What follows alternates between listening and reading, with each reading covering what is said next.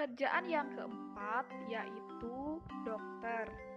Ayo, siapa yang bercita-cita ingin menjadi seorang dokter?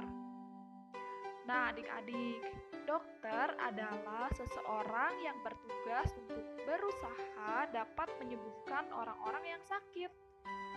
Mereka bekerja di rumah sakit dengan melakukan beberapa pemeriksaan dan tindakan lain kepada pasien-pasiennya sesuai dengan penyakit yang mereka alami. Dalam hal ini, untuk menjadi dokter biasanya diperlukan pendidikan dan pelatihan khusus, serta mempunyai gelar dalam bidang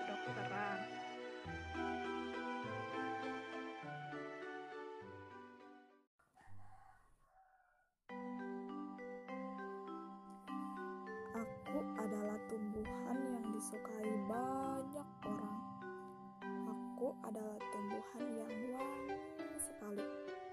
Aku juga biasa digunakan oleh orang-orang ketika proses pernikahan.